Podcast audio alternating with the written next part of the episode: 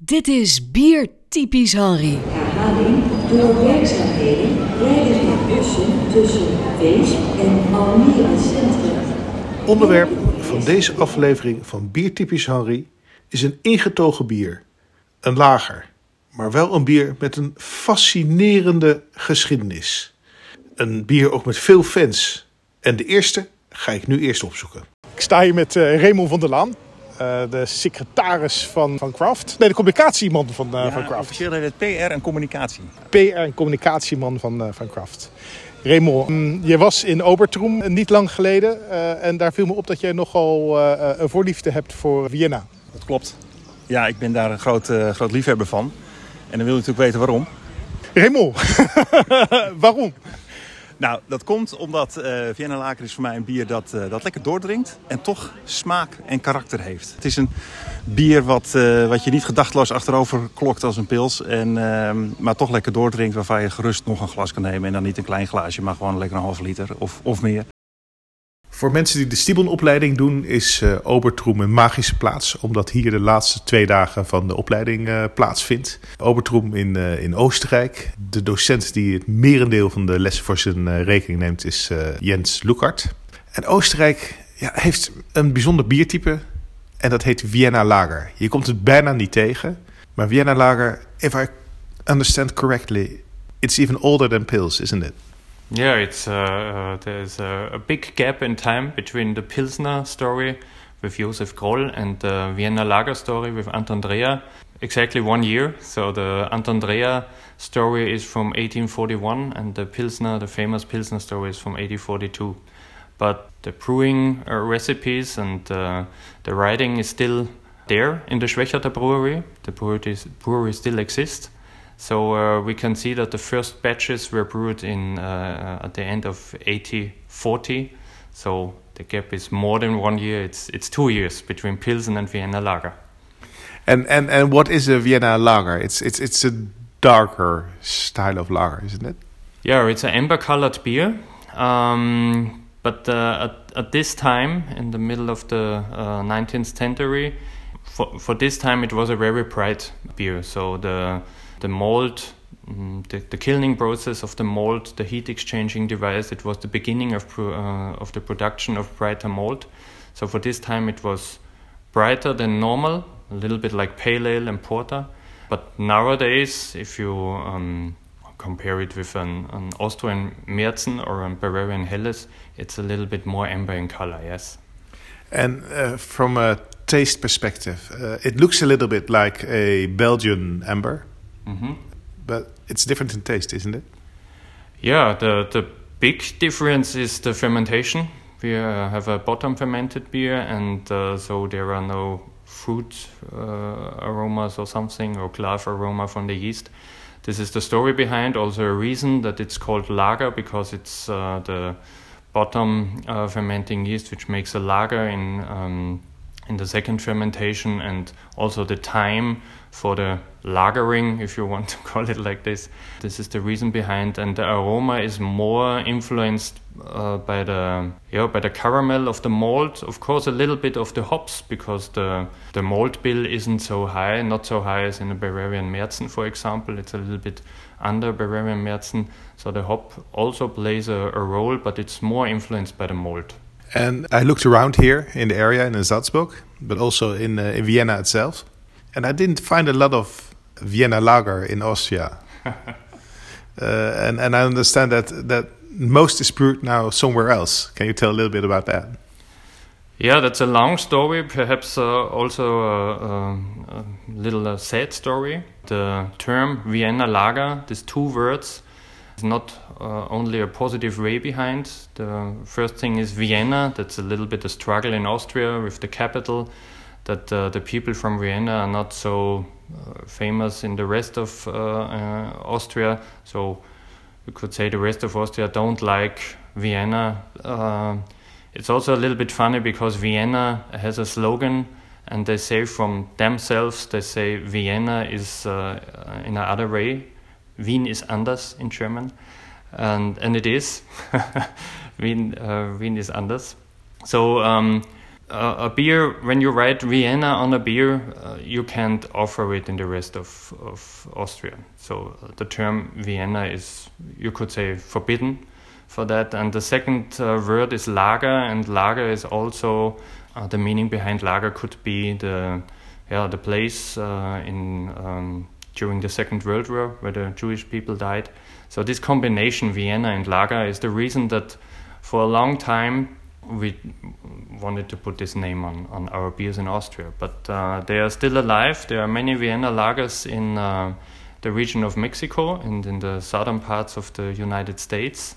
And this is why also the Jewish people they um, left Vienna at the end of the 19th century because of the anti-Semitism. Started uh, in a low level also in that time, so they um, they left uh, Vienna and uh, they came to Mexico because uh, the family of the Habsburger, which is a famous uh, royal family in uh, in Austria, they had for a short time uh, they were the king, if you want, um, uh, or they had the government of Mexico. So there was um, um, also from our door to the ocean at this time in Trieste. So Austria was a little bit bigger at this time, and the Jewish people they came from Trieste to Mexico and brewed there the beer from their hometown Vienna, and uh, yeah, they called it their Vienna Lager, a little bit to to have something from from the homeland in in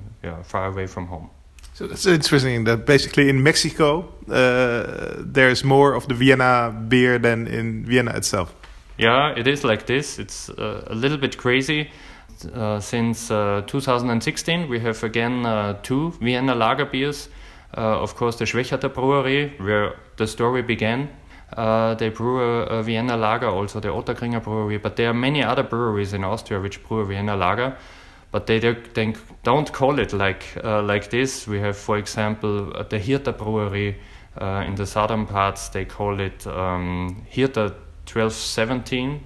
Or we have the Granit beer in uh, in Mühlviertel, or the Ember Lager from Loncium, or uh, the Hadmar from from a brewery in, in Waldviertel uh, region in the northern part. So there are many Vienna lagers on the market, but with different names. Okay, thank you very much. Hm, fine. Wow, dat is een bijzonder en ook wel indrukwekkend verhaal. Ik ken eigenlijk geen biertype dat zo gedomineerd of een speelbal misschien wel is geweest van de grote wereldgeschiedenis. Maar uh, Vienna Lager blijkt dat echt te zijn. Het is in ieder geval de hoogste tijd om ook de Mexicaanse kant van het verhaal te horen. En dat vraag ik aan Edu Biegas, een biersommelier uit Mexico City en een groot kenner van de bierscene daar. I'm standing here with uh, Eduardo Villegas. Is that how we pronounce it? Villegas. Villegas. okay, I have to practice. Yeah. Beer sommelier from uh, from Mexico, and you also have a beer school in uh, in Mexico. Yes. Um, I was quite surprised because I, I learned in Austria that uh, uh, Vienna Lager kind of died in Europe, but it was brought to Mexico. The, are there still uh, Vienna lagers in Mexico? Yeah, well, first of all, thank you for this uh, interesting interview yeah, about this team because uh, I think that Vienna Lager is very well known in Mexico. Uh, in Mexico, we call this beer oscura, which means dark. We the people refers to that beer like oscura, thinking in, in a beer that is a, little bit more uh, stronger than the other one that is called clara. It means clear. But that, that's what we would call a lager. Yeah, but we are talking about the lager beers always. That's mm-hmm. clara and oscura. But Vienna Lager is it's a very popular beer in Mexico. It comes from the 19th century with Maximilian uh, from Habsburg and we have to, re- to remember that Maximilian was a very, very passionate for beer, and his favorite beer was Vienna Lager. That's why this is the, the enter of the style in Mexico in the 19th century. But it's very interesting in the history because at the final of the 19th century, it was almost unknown style because in Mexico the principal alcohol beverage was pulque, not beer. But beer became popular at the beginning of the 20th century after the Mexican Revolution. After the Mexican Revolution, uh, we are speaking about maybe 1925 when the one of the biggest breweries in Mexico, Modelo, for example, begins to work. They they they took this uh, ancient, no, between quotes, a recipe uh, that they were brewing and they present this beer to the people like Oscura, Cerveza Oscura, which uh, was uh, um, the Vienna Lager indeed. And is the taste a little bit the same as the beer we're used to here, or, or did it in it is is is maize corn used? Is is it a little bit different uh, in all these years? Yeah, yeah, for sure. Yeah, we, we, here we can we can talk about this uh, kind of transformation, no? Because uh, in the beginning was more malt the the maize was almost inexistent in the, in that recipe. Uh, in, in, the recent decade, decades, for example, uh, I'm speaking about the 70s overall, and overall in the 80s, the, this beer become very very different. I mean, become a little bit more um, more more smooth. And, and, and this kind of, of character and this kind of, of strength it, it loses in order to to get a, a beer more popular in, mm-hmm. in, in, in the people little by little become to um, used to this kind of uh, very soft beer, very watery beer, and there's some some brands that that remains with this character of the Vienna original, the original Vienna lager, but the the, the majority, the huge uh, um, quantity of the Vienna producers are Vienna very very very soft, very S- sweet and not too hoppy, or no, no, never, never hoppy. Um, it, it's more it's sweet. It's more sweet that you can find in that kind of Vienna lager. There's two brands, particularly two brands that take more uh, bitterness from the malt, not from the hops, uh, and, and, it becomes uh, a little more, a little bit more interesting because it has more body and more flavor. And and if you talk about market share, what's the market share of a, of a Vienna lager? Well, if we are talking about the market share, I can say that Vienna Lager is a very well known and accepted beer.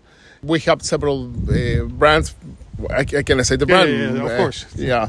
For example, Victoria. Victoria is the most popular Vienna Lager in Mexico because it's a Vienna, it's a Vienna Lager that is not so strong, it's not so sweet, but it's in the middle we can say. So this is the most popular, but I think one of the most consume, beer, uh, beer consuming right now in Mexico. Okay, and uh, I believe Modelo also makes one, right? Yeah, uh, if, I, if, if, if, if I'm right, Grupo Modelo is the producer of, of this Victoria. Ah, okay, okay. Yeah. Okay, thank you very much. No, yeah, well, well, welcome and thank you for this uh, interview. You're welcome. Pleasure. Bijzonder om te horen hoe zo'n biertype dan een sprong over van het ene continent naar het andere maakt. En daar eigenlijk een heel eigen leven gaat eh, leiden. En dat bijna niemand zich realiseert dat het donkere bier uit Mexico eigenlijk een Vienna Lager is. Of Vienna Lager, eh, zoals Edu zo mooi zegt. Misschien nog wel bijzonderder is dat de geboorteplek van eh, Vienna Lager, de Schwegat brouwerij in Oostenrijk, een paar jaar geleden eigenlijk ontdekte op wat verschot ze zitten. Inmiddels onderdeel van het Heineken-concern. En tijdens de afgelopen Brussels Beer Challenge kwam ik de brouwer tegen van de Schwegat Bierbrouwerij. En ik kon hem natuurlijk niet nalaten om zijn visie over Vienna Lager te vragen. En misschien wel Raymond ook een handje te helpen met de vraag of dat bier nu eindelijk eens een keer naar Nederland kan. I'm standing here with uh, Andreas Urban. You are the brewmaster and director of the Schwegat Brewery. And that has a, has a big place in history because it's there where the Vienna lager is invented. That's right. Uh, in the year of 1841, Anton Dreher the Elder uh, more or less in, invented the, the Vienna lager beer style uh, due to the reason that he was uh, more or less getting experience in England uh, where they had another kilning system to, to get uh, unsmoked pale malt and that what was he exported more or less or imported to, to Vienna. From, from Ghent? Uh, from where? Where was it imported from? No, it was not imported. Uh, just the, the knowledge, oh, the, knowledge. He, the knowledge he imported uh, from from England uh, because they were much, uh, they were far, far more experienced in the t- technology than in, in more or less in Europe. And on the other hand, the cold fermentation, he uh, took the new yeast strain. So, uh, two conditions a pale malt, because uh, it was an indirect kilning without any smoke or fire.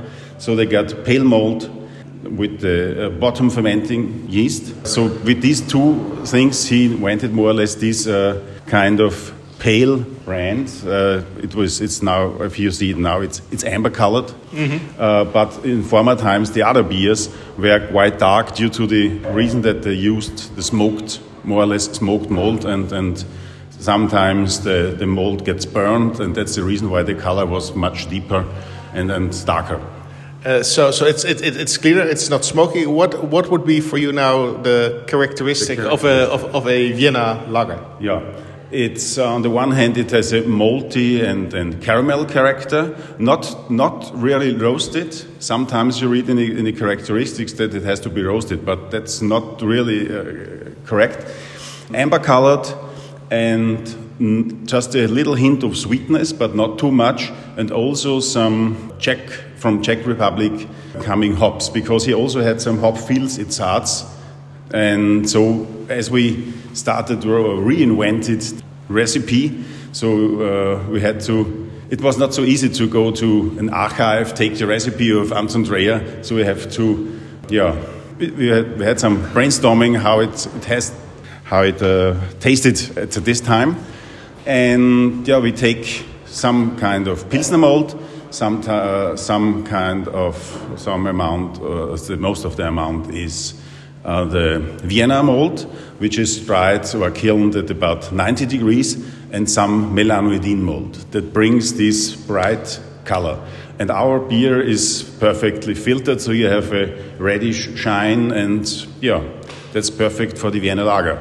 So, so you started brewing it again because I was a few years ago. I was in Vienna, and it was very hard to get a Vienna lager in Austria. And, and still, Yeah. uh, if we go to Obertrum with our courses, Yeah. it's very hard to find a Vienna lager. that was quite funny or very uh, surprising that besides Austria, some breweries, for instance, in Mexico or Brooklyn, Brooklyn Lager, or also in Italy, Teresiana, Vienna Lager, they brewed the Vienna Lager for many years. But more or less, we reinvented in 2015, 2016, not only uh, our company, not our brewery, Schwechat, also some other uh, competitors in Austria thought there was a, a typical Viennese style, um, so we have to reinvent it. We want to establish it again. And yeah, it was in 2016 that we started because it was the 175th anniversary of uh, Anton Dreher that he invented in 1841 this new beer style. And how, is, how does it feel to stand in the footsteps of Anton Dreher? yeah, I think the, the shoes are very large of Anton Dreher, but uh, I'm very proud of it, and, and I hope to yeah to spread this Viennese style not only in, in Austria, maybe also abroad. Okay, because uh, um, I think that's that's spot on because there's more interest in lagers again uh, after all the, the very expressive beers.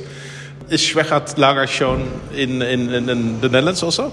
No, that, that's the big problem. Uh, so more or less, uh, Vienna Lager is more or less only uh, available in, in Austria. But um, I'm not familiar if you know the, the blade system, which is. Uh, you, you're part of Heineken. Maybe Yeah, we have to explain that's- that. that's- yeah, that's some export is done to England. Quite funny that they know how to. Oh, also they, they love the, the Viennese lager, but it's just a small amount. But never say never again. So maybe we should make an appeal to uh, to Heineken, maybe to Dolf van der Brink, maybe. that that that uh, There's the for- Vienna lager. for Vienna lager. Yeah. Exactly. So I let's conclude with help that. me. yes. You. okay. Dolf, I hope you're listening. Please bring the Schwechat Vienna lager to the Netherlands. I'm glad Thank if you. it happens. Thank you.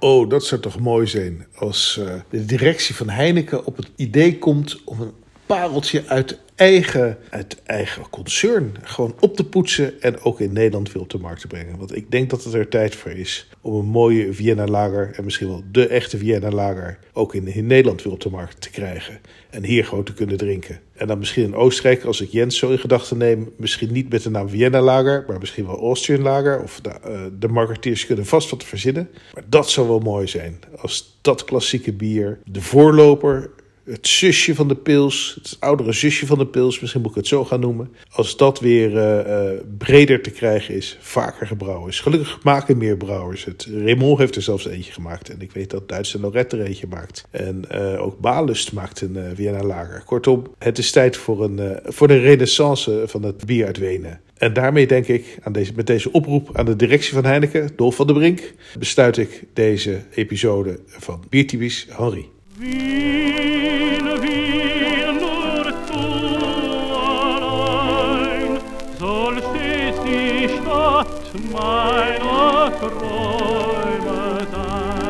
Gaat het nog een beetje, meneer Reuglin?